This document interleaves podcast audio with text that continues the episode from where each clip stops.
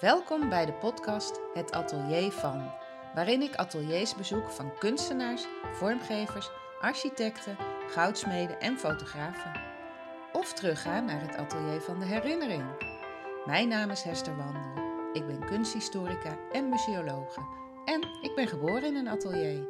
Ateliers zijn de rode draad in mijn leven, door mijn werk in musea, maar ook het kunstenaarschap van mijn moeder. Ga je mee naar het atelier van Dit is mijn allereerste podcast. Welkom in mijn eigen atelier, voor zover ik dat heb. Maar daarover hoor je in het interview dat Piet van der Werf met mij hield. Piet is architect, maar ook ex-buurman, goede vriend en hij is net zo nieuwsgierig als ik. Ik heb hem gevraagd mij te interviewen. Het interview dat ik met hem heb gehouden hoor je binnenkort. Dus nu ga ik zelf ondergaan wat ik de komende maanden bij kunstenaars ga doen.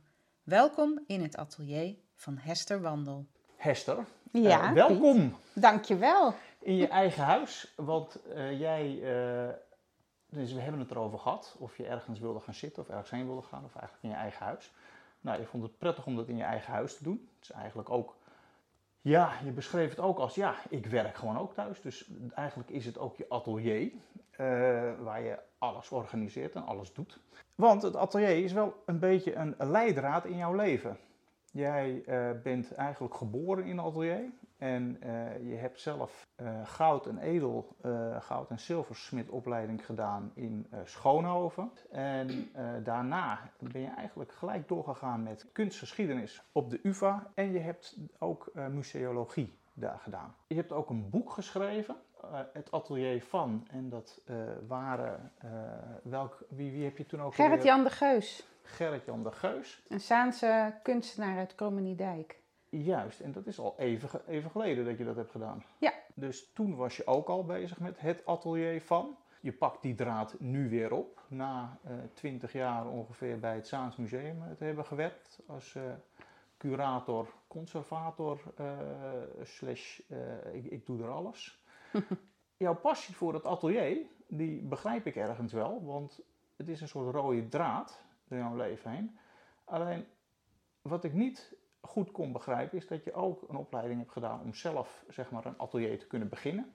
En daarin door te gaan, zeg maar in de voetstappen treden van je moeder, uh, Miep van Riesen, die uh, toch wel heel veel werk heeft gemaakt. En nou ja, je bent ook een stichting daarvoor begonnen na haar overlijden. Wat houdt het atelier nou precies voor jou in? Wat is dat?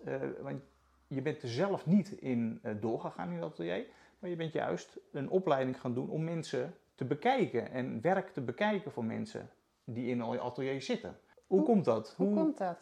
Ja, nou, mijn moeder had dus inderdaad altijd een atelier aan huis, dus ik kon daar uh, altijd zelf knutselen. Ik uh, was ook tijdens mijn middelbare schooltijd zat ik heel veel in mijn kamer um, te knutselen, sieraden te maken, radio te luisteren.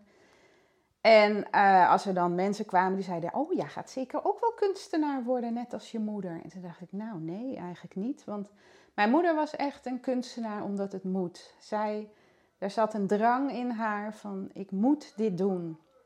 Ik moet dit maken. En dat had ik niet. Ik vond het leuk. En ja, per toeval kwam ik eigenlijk ook uh, op de vakschool voor edelsmeden terecht. Want ik had VWO gedaan en ik zou eigenlijk Frans gaan studeren en au pair. Maar daar droomde ik een keer raar over en toen wilde ik niet meer. En toen was mijn vader, uh, had een goudsmid ontmoet. En die zei, dat is leuk, dan moet je eens gaan kijken. Toen zijn wij op zijn atelier in de Saar-Peterstraat gaan kijken. Dat is Marius Gort. Die wil ik dus ook nog gaan bezoeken. En toen dacht ik, ja, dat, uh, ik was altijd al met sieraden bezig. Dat lijkt me wel leuk. Dus ik ging Schoonhoven doen. En uh, na drie jaar goudsmeden deed ik nog een extra jaar zilversmeden. En toen ging ik stage lopen. En dat zou ik eigenlijk in Antwerpen gaan doen bij een uh, goudsmid. Maar dat ging op het laatste moment niet door, want er was iets met drugs. En het uh, toeval wil dat jouw zwager wel nog bij hem, uh, het is wel heel erg toevallig, bij hem heeft gewerkt. Maar ja, ik kon er niet naartoe. En toen moest ik een nieuw adres vinden. Toen ging ik weer naar school terug. En uh, toen zeiden ze, ja, meneer Sparnaai in Amsterdam tegen de Nieuwe Kerk aan, die heeft wel een plek voor je, die heeft nog niemand. Dus toen ging ik daar kijken. En eh, ze hadden wel van tevoren gezegd dat het niet zo'n makkelijke man was of zo. Maar nou ja, ik ging daar naartoe. Ik werd eh, heel leuk ontvangen door zijn vrouw Thea in de winkel. En hij zat beneden in een kelder. Toen ging ik daar beginnen. En toen heb ik daar eh, volgens mij tien maanden gezeten. En toen merkte ik al wel dat de hele dag acht uur achter elkaar smeden in je werkbankje in een kelder. Met een man die dikke sigaren rookt en de hele dag klassieke muziek draait. Ja. Dat dat niet helemaal mijn ding was. Hij was een ontzettend goede goudsmid. Ik heb daar heel veel geleerd. Hij was ook heel precies. Maar um, zij, zij, uh, Jan en Thea hadden wel eens ruzie en dan was Thea weg en dan moest ik ook in de winkel staan. En dat vond ik wel leuk. En Thea maakte altijd de etalages zelf. En daar had ze houten blokjes die ze bekleden met een soort plastic. Dat kocht ze bij uh, Beekwilder. En uh, nou, dan mocht ik pakjes inpakken, of blik, uh, blokjes inpakken en de etalages doen. Dus ik wilde eigenlijk wel wat meer doen dan alleen daar zitten. Ik zag, me daar, ik zag niet mezelf een eigen atelier beginnen. Ik had het geld er niet voor en eigenlijk ook niet de ideeën. Ik zat zo in zijn stramien van ja, wat hij maakte. Ik mocht voor hem nieuwe dingen maken. Ik moest soms repareren. Wat hij ook deed was restaureren voor Christie's. Voor de Judaica-afdeling. Dan kwamen er uh, uh, spullen die verkocht moesten worden, maar bijvoorbeeld onder de kaarsvet zaten. En dan ging hij ze opknappen en dan mocht ik bij assisteren. Dat vond ik ook leuk. Dus ik vond heel veel leuk. Ja, want jij vindt heel veel leuk. Ja. Je bent ongelooflijk nieuwsgierig. Ja. En, Herken je het? En jouw moeder, die heeft heel veel geduld. Ik heb ook wel geduld, maar zoals zij... Uh, ik zeg altijd, mijn moeder was eigenlijk een monnik. Die had echt monniken geduld, engelen geduld, als een monnik. Ja. Ja, maar ja, ik vond heel veel leuk. En ik woonde toen op studentenflat toen ik stage liep. En ja, toen was er iemand die nam een folder mee van de UvA, van kunstgeschiedenis. En toen dacht ik, oh ja, dat lijkt me leuk. En ik miste ook met dat handwerk wel een beetje iets met mijn hoofd doen. Dus toen ging ik kunstgeschiedenis studeren. Ja, en toen had, zat ik op een studentenflat, had ik geen plek voor mijn uh, werkbank. Want ik had in Schoonhoven, had ik een zolderkamer, had ik wel een eigen werkbank. Want dan moest ik natuurlijk ook thuis uh, soms dingen afmaken. Je deed veel op school, maar ja, soms moest je wel thuis iets uh, doen. Dus daar zat ik wel te smeden. Maar die, die, die tafel kon ik niet kwijt uh, op de studentenflat op de Prinsgracht. En daarna gingen we naar uh, de Gaaspstraat, uh, bij jou in de straat. En toen hadden we eigenlijk ook geen plek voor een werkbank. Want waar ik hem in Schoonhoven nog in mijn kamer had, in mijn slaapkamer had, want ik had daar één kamer. Daar ja, zag ik me niet in een slaapkamer gaan smeden. Want het, ja, dat is gewoon een beetje, het is toch een vies vak. Dus je maakt vuil, zeg ja. maar. Heb je die werkbank nog steeds? Ja, hij staat nog steeds hier in de schuur. Okay. Ja, ja. het is gewoon een houten tafel hoor. Uh, en we kregen kinderen en er was gewoon geen ruimte. Dus, nou, dus ergens het idee van, van toch nog die bank of die werkbank een keertje ergens neerzetten om te gaan gebruiken, dat leeft wel. Dat leeft wel, maar ik heb denk ik ook wel een beetje een ideaalbeeld van een atelier. Want ja, het is niet zomaar een bank neerzetten. Uh, je hebt uh, een brander nodig en je hebt een afvoer nodig en je hebt een polijsmachine nodig. Je hebt niet zo heel veel nodig, maar je moet wel kunnen uh, solderen en afkoken en polijsten. En dat moet afgezogen worden inderdaad? Dus ja, nou ja, het liefst wel natuurlijk. En, want het, ja, als je polijst, dan heb je echt een hele vieze neus. Want het draait zo je neus dat in. lijkt me ook niet zo gezond. Nee, is ook niet zo gezond. Ja. Maar ja, dus een soort ideaalbeeld van ik moet een plek hebben waar ik dat veilig kan doen. Mm Mhm. -hmm. Nu is mijn idee nog, nou, als de kinderen het huis uit zijn, dat ik dan een kamer inpik. Nou ja, ik miste het de, al die jaren ook niet echt. Ik, ik, kwam in een museum terecht en ging daar ook dingen met mijn handen doen. Ik, in, het begin, in de beginjaren sneed ik ook zelf de tekstbordjes. En je bent toch heel praktisch bezig met het maken van tentoonstellingen. Maar dat is creatief bezig zijn. Ja, maar dat is voor mij smeden natuurlijk ook. Ik zag mezelf nooit dat verkopen. Nee, nee. Dus het, de creativiteit kon ik kwijt in het museumvak. Ik, ging, uh, ik heb gepottenbakt samen met mijn vader. Ik heb model getekend. Ik heb dozen gemaakt van karton. Dus ik wilde wel altijd iets met mijn handen doen. Dat miste ik, maar dat zocht ik dan in andere dingen. In 2011 vond ik een atelier op de uh, Weteringschans. Want daar zat uh, Lise Andreassen. En die had een werkplaats waar wel tien mensen konden smeden. Daar kon je les krijgen, maar je kon er ook gewoon zelf smeden. En daar ging ik toen met mijn gereedschapskistje naartoe. En daar dacht ik van, oh, maar dit is lekker. En toen was ik dus weer aan het smeden, helemaal mijn eigen ding aan het doen. En dat vond ik heerlijk. En vooral mensen zeiden, oh, dat is leuk, dan moet je afgieten en dan moet je het verkopen. En ik dacht, nee, dat wil ik niet. Ik wil ja, toch wel, nou, ik maakte vooral dingen voor mezelf, sieraden. Ik wilde toch wel unica maken en niet productie. Dat is dus eigenlijk de kunstenares in jou. Dat je... Ja, maar ik ben niet een kunstenaar. Uh, ja, ik wil het gewoon doen omdat ik het leuk vind, zeg maar. Dus wat is het atelier voor jou? Wat betekent dat atelier? Nou, een plek waar je alle mogelijkheden hebt om ehm, iets te doen, je vak uitoefenen of eh, je creativiteit uh, los te kunnen laten. En zelf dingen te maken, het zelf bepalen. Het uh, vrij zijn om te doen wat je wil en alle mogelijkheden te hebben. Dat is voor mij een atelier. Precies, die emotie, dat, de, de, dat je helemaal onafhankelijk van de rest kan opereren. Ja. Jij bent daar aan zet, jij, jij bent de baas, jij, bent, jij kan alles doen wat je ja. wil. En ook onafhankelijk van um, dat je moet verkopen. Dus dat je moet produceren om te verkopen. Want ja, dat... Toch moet een kunstenaar ook commercieel zijn. Ja, maar daarom ben ik ook geen kunstenaar. ja. Het is een luxe hobby die ik heb. Ik heb er een opleiding voor gevolgd. Ja, maar je hebt ook bewust gekozen om dat niet te doen. Om nee. zeg maar kunstgeschiedenis uh, te gaan studeren. Ja. En uh, museologie.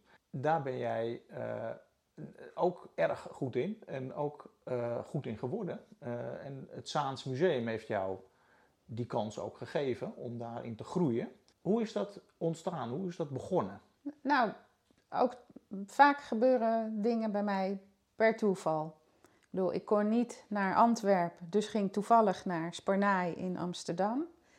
Ik um, ging kunstgeschiedenis uh, studeren. Ik liep in, het, um, in de bibliotheek van het Kunsthistorisch Instituut. En een docent kwam op mij af van zoek je nog een stage?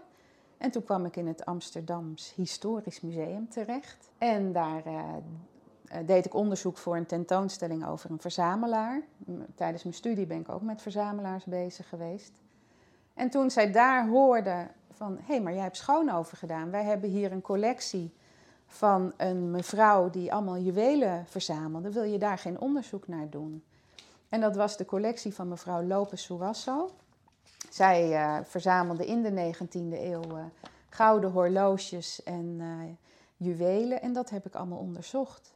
Daar heb je ook een paar boeken over geschreven. Nou, geen boek. Ik heb een scriptie daarover gemaakt. En in 2001 heb ik een tentoonstelling over haar, over haar gemaakt in Willet Holthuizen. Wat onderdeel is van het Amsterdam Museum. Ja, oké. Okay. Ik heb hem de scriptie niet uitgegeven, maar ik heb wel Um, met die scriptie dus de tentoonstelling gemaakt. En een aantal jaar geleden is er wederom een tentoonstelling over haar gemaakt. En toen hebben ze wel mijn scriptie weer gebruikt. Oké, okay, want hier staat uh, verzamelwoede of verzamelbeleid. Dat dat uh, toch uitleenbaar is bij het Amsterdamse Historisch Museum. Oh ja, in, want daar heb ik het voor geschreven. Dus daar ja. kan je het opvragen. Ja, ja, en ook bij de UvA.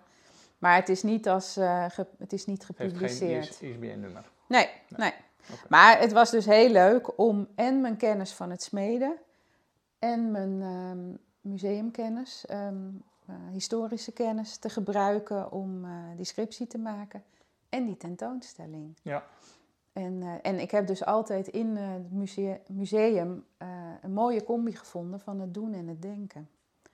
En ik heb heel veel interesse in mensen, want ik vond het geweldig om die collectie van die mevrouwen te onderzoeken.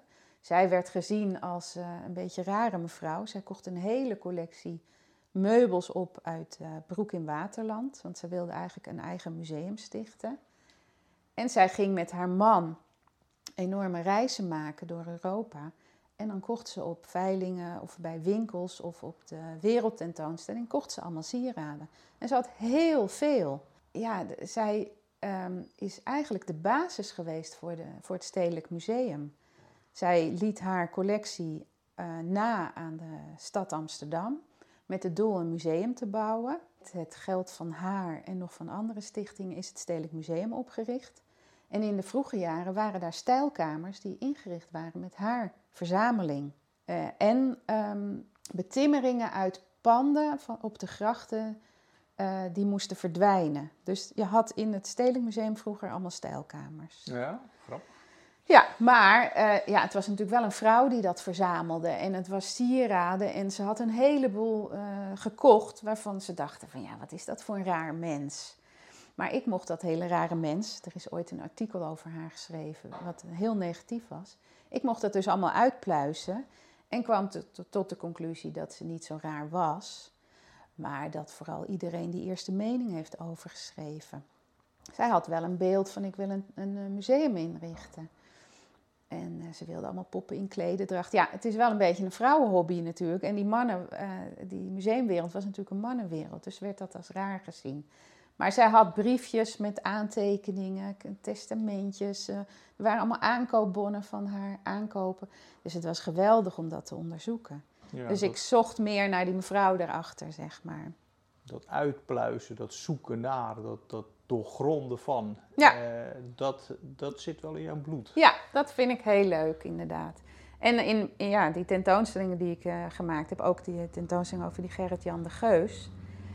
Um, ja, zoeken in wat er uh, rest van, van zijn verzameling en zijn papieren. Dat maakt dat je een beeld krijgt van zo'n van zo'n mens. Hij bijvoorbeeld, ehm, nou, we hebben heel veel mensen ook geïnterviewd over hem. Hij werd wel gezien als een hele moeilijke man. Hij was natuurlijk uh, stellig, maar hij, op het laatst had hij ook een uh, hersentumor. Dus mogelijk is zijn uh, gedrag ook wel veranderd door wat hij meemaakte, wat hij doormaakte, zeg maar. Ja, en dat uitpluizen en uh, uitvinden waar hij tentoongesteld, ehm, zijn werk tentoonstelde, hoe hij het verkocht, ja, dat, dat vind ik erg leuk. Wat is dat dan? Waar ben je dan eigenlijk naar op zoek? Ja, wat iemand uh, bezighoudt, wat iemand uh, drijft, waarom iemand uh, keuzes maakt. Ben ik gewoon ja, nieuwsgierig naar, interesse in. Vind je dat ook in een atelier? Als je rond, rondkijkt in zo'n atelier, wat, wat, wat is dat voor een persoon? Ik bedoel, jij let, je hebt heel veel oog voor detail. Dat weet ik toevallig, omdat ik heel veel foto's van jou heb gezien. Die, die allemaal stuk voor stuk, of heel erg fraai zijn, omdat je gewoon heel goed oog hebt om iets in een bepaald perspectief neer te zetten en, en, en toch met kleurvlakken en, compositie op een of andere manier goed weet te, te pakken. Uh, ik kan me ook voorstellen dat je in zo'n atelier gewoon zoekt naar, uh, naar details, naar, naar zaken, uh, wat zo'n man beschrijft. Of wat zo'n zo'n persoon waar je die waar, je, waar, je, waar je iets ergens aan zoekt, zeg maar. En je, wat je in de details vindt. Ja. Klopt dat ook? Doe ja. je dat? Um, ik kijk heel erg naar details. Ik, uh, zoek, uh, ik zoek herkenning, overeenkomsten. Uh, maar ik probeer ook wel het grotere geheel te zien. Want in de details zie je veel, maar weet je niet alles over iemand. Heel toevallig heb ik een fotoboek gezien van een man met een enorm vol atelier. Met allemaal uh, nou ja, troepjes, zeg maar. Die bewaarde alles, hing alles op. Het zat helemaal vol. Je denkt, wat is dat voor mens? Als je daarnaast zijn werk ziet, dat is volkomen anders. Dus je krijgt wel een heel mooi, als je beide ziet, krijg je een heel mooi beeld van iemand. Van, ja, en hij doet mee met de gevestigde orde, want hij kreeg opdrachten voor portretten. Aan de andere kant uh, maakte hij zijn atelier um, tot een, um, nou ja, bijna kluisenaars... Uh, hut. Dus um, ja, dat samen interesseert me heel erg. Wat zit er achter een schilderij? Uh, waarom um, um, schildert iemand iets? Of hoe is het tot stand gekomen? Ik, ik heb altijd meer vragen bij, bij een schilderij of een kunstwerk dan uh, alleen maar naar het beeld zelf kijken. Ja, dat is super interessant. Kijk, er zijn een heleboel kunstenaars die, die, die gaan naar musea of die, die gaan naar galeries of die uh, lopen door de natuur en die, die kijken, die, die, die zoeken en die, die zien ander werk en die, of die lezen iets of die hebben ergens inspiratie, halen ze uit en die gebruiken dat weer in hun eigen werk. Uh, jij kijkt ergens naar en je, je zoekt en je graaft en probeert een compleet plaatje te maken over iemand. Dus niet voor jezelf, maar over iemand? Of doe je toch ook stiekem voor jezelf? Is dat, hoe, hoe werkt dat? Ja, het is wel mijn eigen nieuwsgierigheid. Ik heb daar van de week over zitten denken van wat is dat? Ik vond het vroeger ook altijd heel leuk om bij anderen uh, op bezoek te gaan en te logeren en uh, rond te kijken. Ook een soort vergelijking van uh, hoe is het bij anderen thuis? Ik, ik weet niet, mijn ouders zijn gescheiden toen ik zeven was. En wij hadden toch wel een ander soort huishouden dan menigeen. Met een, een moeder die kunstenaar was. En het was bij ons ook niet altijd even netjes. En ik, ja, ik keek ook altijd wel van hoe is dat bij anderen. En niet uit jaloezie, maar uit nieuwsgierigheid. Van hoe heeft een ander dat? En dat oog voor details zat er al vroeg in.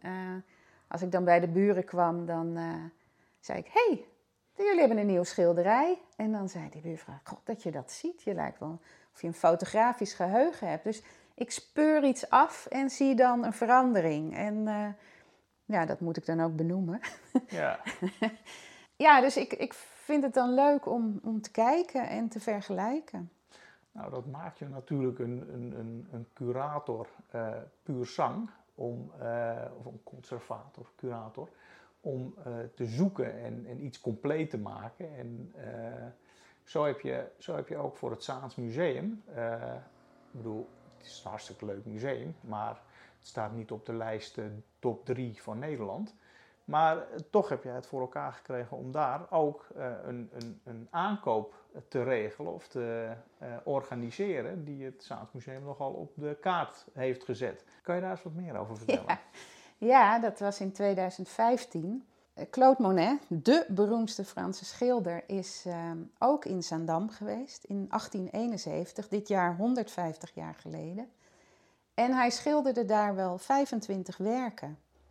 En via Twitter, we zeggen ook van uh, it started with a tweet, was bekend dat er een uh, Zaanswerk van Monet te koop was. En toen zei mijn directeur, ga jij dat eens uitzoeken? En in vier maanden heb ik dat toen uitgezocht, maar ook de aankoop kunnen bewerkstelligen. Ik heb um, contact opgenomen met de kunsthandel waar het werd verkocht. Dat was in New Orleans. En ik heb de fondsen bij elkaar gevonden om de aankoop te doen. En het mooie was dat op 2 juni 2015, precies 144 jaar na de aankomst van Monet in Zandam, konden wij dat werk presenteren. Uh, nou, dat was meteen uh, 8 uur journaal. En uh, Jan, de directeur, en ik mochten bij Jinek met het schilderij komen om het nog een keer te onthullen. En op 8 oktober, dat is de dag waarop Monet wegging, hadden we het in de tentoonstelling hangen en haalden we weer het 8 uur journaal. Dus dat was geweldig natuurlijk. En dat heeft het museum wel een enorme boost gegeven in de aandacht. Ja. Helaas onlangs wederom uh, heeft het weer het 8 uur journaal gehaald, neem ik aan. In ieder geval andere journaals, want het uh, werd bijna gestolen. Wat natuurlijk heel triest is, maar gelukkig is het gebleven. Ja, daarmee was dus, uh, stond het museum veel meer op de kaart. En was ook Zaandam veel meer op de kaart van Monet. Want sinds die aankoop uh, heb ik uh, ook onderzoek gedaan naar de andere schilderijen van Monet, om daar eventueel dit jaar een tentoonstelling mee te maken. Maar ja, door financiële dingen en corona is dat uh, niet doorgegaan. Nee. Maar zie je ook in andere tentoonstellingen dat Zaandam nu ook een, een plekje heeft in het oeuvre van Monet. Ja. Het was altijd een bijzin, maar nu is het echt een stad waar die is geweest. Dus ja. Schitterend. Was mooi. Je zegt wel eens dat, dat mensen hun 15 minutes of fame hebben. En uh, dit zijn natuurlijk zeker uh, meer dan 15 minuten uh, beroemdheid, eventjes. alleen, ik kan me voorstellen dat jij met al je interesses en passies die 15 minuten nog helemaal niet hebt ervaren. Dat het een heel mooi moment was, maar dat er nog veel meer voor jou op je pad ligt. Wat zou, want je bent nu bezig met die, met die podcast. En dat beschrijft het atelier van. Wat, uh, wat zouden jouw 15 minuten gaan worden nog? Nou, het lijkt me heel leuk om met die podcast bij heel veel mensen binnen te mogen gluren. En uh, dat kunnen hele onbekende mensen zijn die ik dan daarmee een podium geef. Maar het zou natuurlijk ook heel leuk zijn als ik bij een bekende kunstenaar in zijn atelier mag komen. Want ja, het atelier zegt ook weer een, vertelt ook weer een heel ander verhaal over iemand. Je kan een hele galerie vol hebben hangen met iemand zijn werk. Maar hoe het daar bij hem in het atelier is, dat is een ander verhaal. Zijn er dan kunstenaars of mensen waar jij uh, die, die wel, heb je een lijstje? Ja, ik heb wel een lijstje. En die wil ik ook al. Ik begin vanuit mijn netwerken. Ik bedoel, ik ken veel kunstenaars.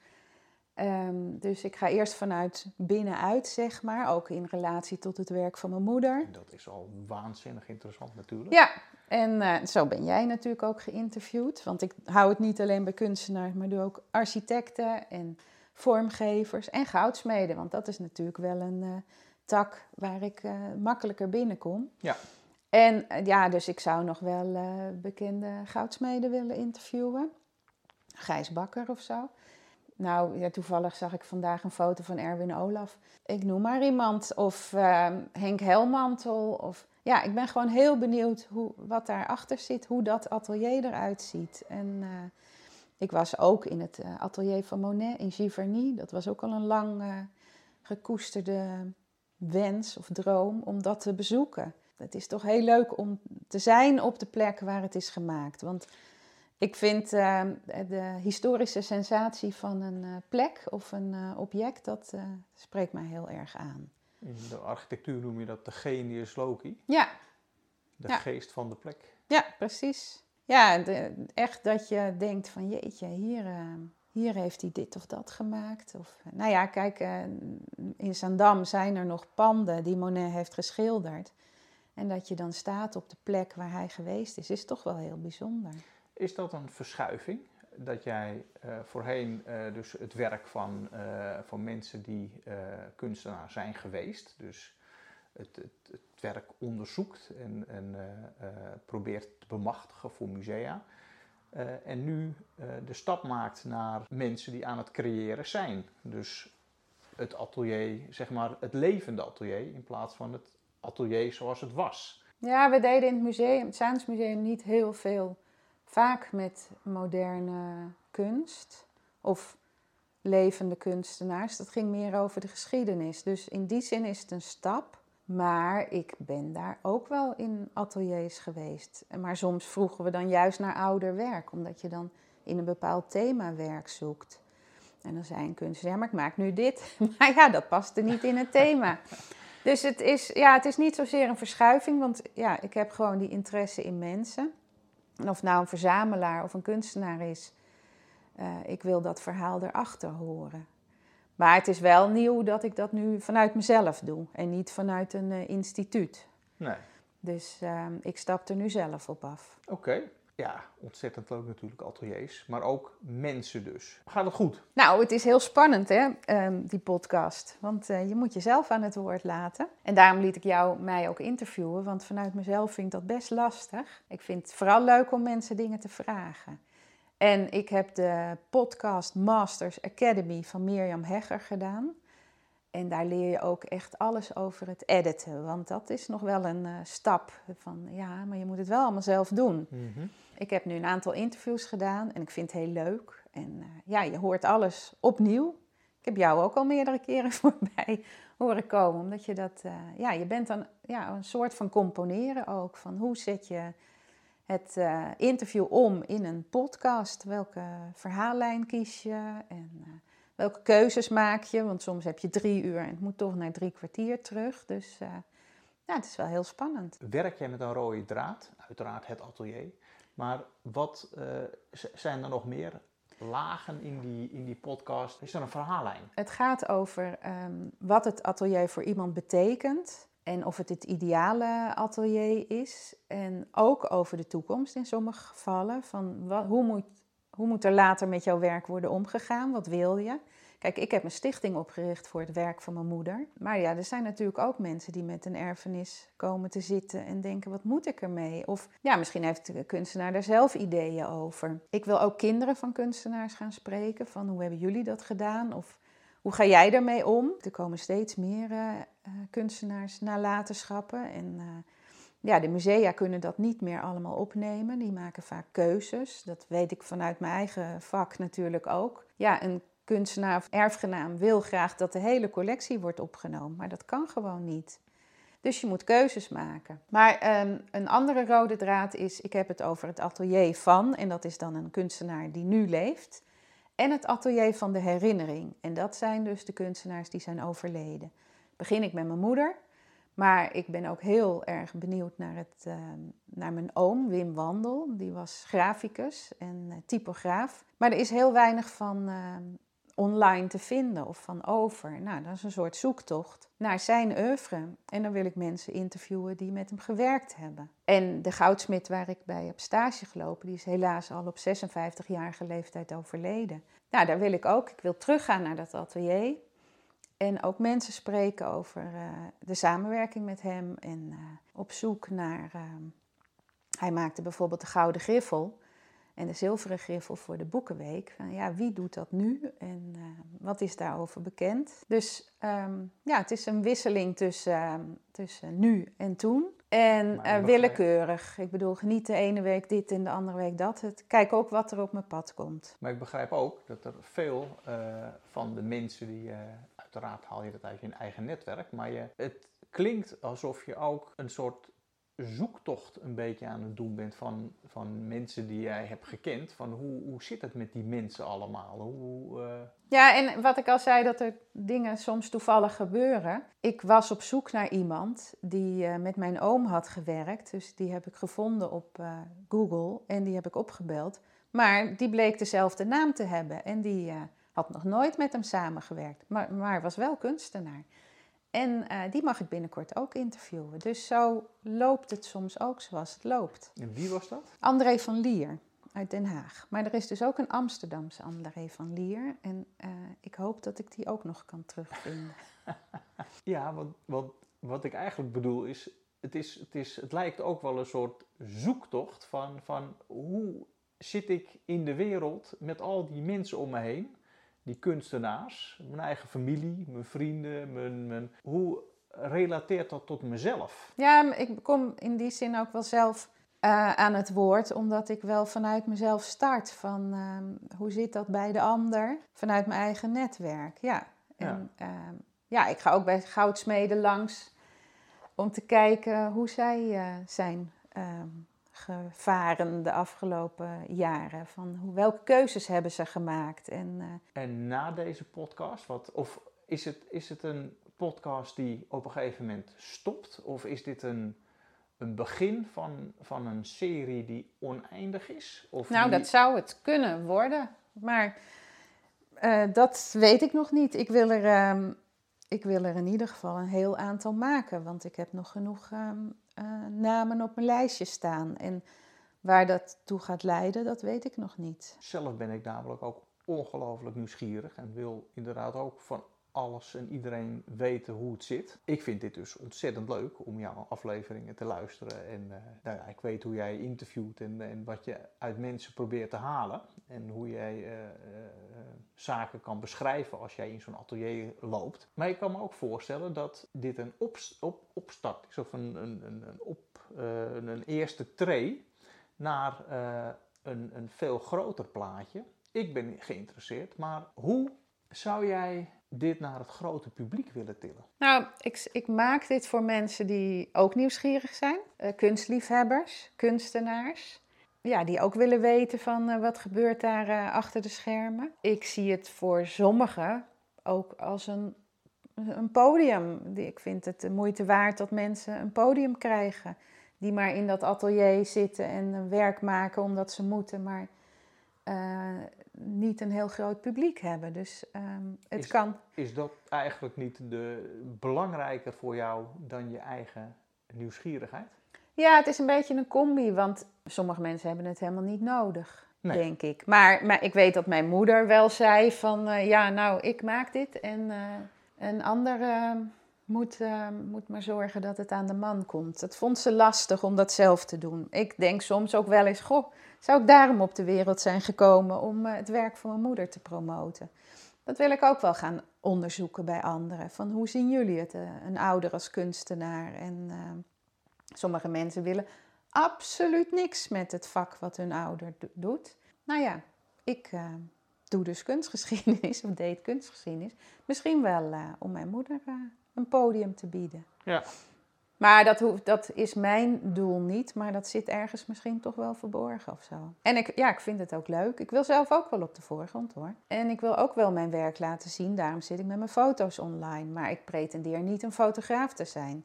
Ik, ik heb goed oog ervoor, maar de, de techniek is er absoluut niet. Nee. Ik doe het omdat ik het leuk vind. Omdat, ja, ik wil wel mensen leren, anders leren kijken. Daarom heb ik ook mijn uh, hashtag Hartjes in het Wild. Omdat ik dagelijks uh, hartjes zie in, uh, in, in gewone dingen. In een gat in een brood of in een stukje worst wat toevallig een hartjesvorm heeft. Of nou, een hartje wat op de stoep ligt. En dat deel ik ook. Dus ik laat mensen wel anders kijken. En dat wil ik eigenlijk met dat atelier ook. Van, een, even een andere blik op op een kunstenaar. Ja, te gek. Inderdaad, je, je pakte me net eventjes, ja, die kunstenaar die, uh, sommige kunstenaars hebben dat inderdaad niet nodig. Alleen, ik denk dat de meeste kunstenaars toch gewoon hun, hun werk willen maken en geen, geen, geen andere beslommeringen hoeven hebben. Dus daarom hebben ze ook vaak mensen in dienst die de zaken voor hun verkopen. Maar er zit een heel groot grijs gebied van mensen natuurlijk die, die dat niet hebben. En die wel die, uh, die, die, bekendheid nog eventjes nodig, ja. of, of, dat, dat bekendheid maken nodig hebben. Wat je vaak van iemand ziet, is ook maar een heel klein stukje. En, uh, of een paar zinnen, of, een, of, een, uh, of je ziet de beelden, maar je, je ziet de persoon niet. En jij geeft dat podium wel. Ja. En op een andere manier dan dat uh, er een stukje over de kunstenaar wordt geschreven. Dus dat maakt jouw podcast volgens mij juist heel interessant. Ik denk dat daarom de format die jij aanpakt ook heel leuk zal zijn. Ja, ik bedenk nog wel een drijfveer ineens. Mijn moeder zat in de BKR, de Beeldend ja. Kunstenaarsregeling. En uh, daarvan is heel veel werk in depots uh, beland. En ik ben ooit een keer bij een lezing geweest en toen zei iemand... Ja, die flansen dat maar in een avond in elkaar. Dat beeld bestaat. En dat zal een enkele kunstenaar ook vast gedaan hebben. Maar ik vond het zo'n klap uh, in het gezicht van mijn moeder. Want die maakt werk wat je niet in een avond in elkaar flanst. Wat ongelooflijk veel tijd kost. En waar haar hele ziel en zaligheid in zit. Ik begreep dat er kunstwerken zijn van je moeder die vijf jaar lang, vijf jaar hebben gekost. Ja, één werk uh, heeft ze vijf jaar over gedaan, ja. inderdaad. Maar sowieso, haar werk kostte veel tijd. En alle emotie die in zo'n werk zit dat werd dan teniet gedaan met zo'n opmerking. En ik denk dat daar ook een soort, um, nou misschien wel zendingsdrang is, om te laten zien wat erachter zit. Van, uh, dat, dat flans je niet zomaar in elkaar. Het is niet alleen maar een paar vlakjes en wat strepen. Daar zitten gewoon hele ideeën achter. Ik weet ook, uh, van mijn moeder is ook ooit werk verbrand. In, uh, was een dependant van de gemeente in Schagen. Die brandde af en van haar zijn geloof ik negen werken. En van een andere kunstenaar, Kerre de Graaf, die ik ook nog ga interviewen, geloof wel elf. En dat is in een nacht weg en daar zitten jaren in. En voor haar voelde het alsof er een kind was overleden. Dus um, ja, dat wil ik wel laten zien. Dat er meer achter zit dan uh, een, uh, een stukje stof en een uh, paar houten latjes. Dat weet je natuurlijk wel dat er ideeën achter zitten. Maar ik wil het met dat atelier laten zien. Ja, we zitten hier nu in jouw atelier. En je bent nu druk bezig om die podcast te gaan opzetten.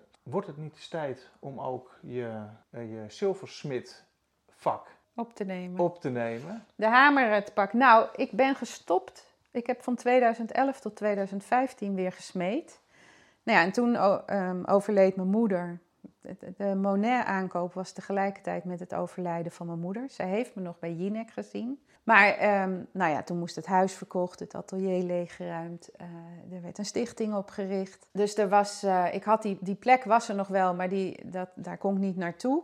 En het werd ook wat minder, de sfeer uh, veranderde, dus daar had ik niet zo zin in. Afgelopen december was ik er weer, heb ik vijf keer kunnen smeden en toen ging het atelier dicht. Dus ik zit te, iemand wil het gaan overnemen, dus ik zit te wachten tot zij weer een plek heeft waar meerdere tafels staan, waar gereedschappen zijn en waar je dan weer aan de slag kan gaan. Want ik heb ideeën genoeg. Ja.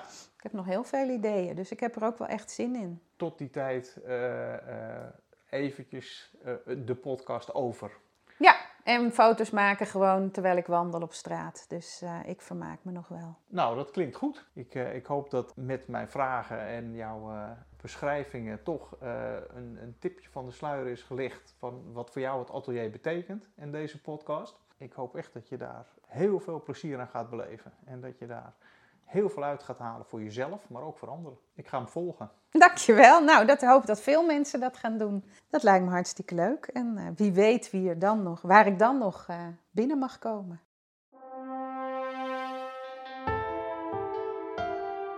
Dat was mijn eerste interview. Ben je nu net zo nieuwsgierig geworden naar hoe het er bij een ander uitziet? Luister dan naar de podcast Het Atelier van waarin ik bij kunstenaars, vormgevers, architecten, goudsmeden en fotografen op bezoek ga. En denk je nu al, kom eens bij mij langs of je moet dus echt bij die en die gaan kijken? Laat het me weten in de comment van deze podcast of via de mail hetateliervan@gmail.com of volg me op Instagram via @hetateliervan. En vergeet je niet te abonneren op deze podcast, dan mis je nooit meer een uitzending. Tot de volgende keer. De mooie muziek is speciaal voor deze podcast gemaakt door Paul Glacier, zelf ook kunstenaar. Hem hoor je in een andere podcast.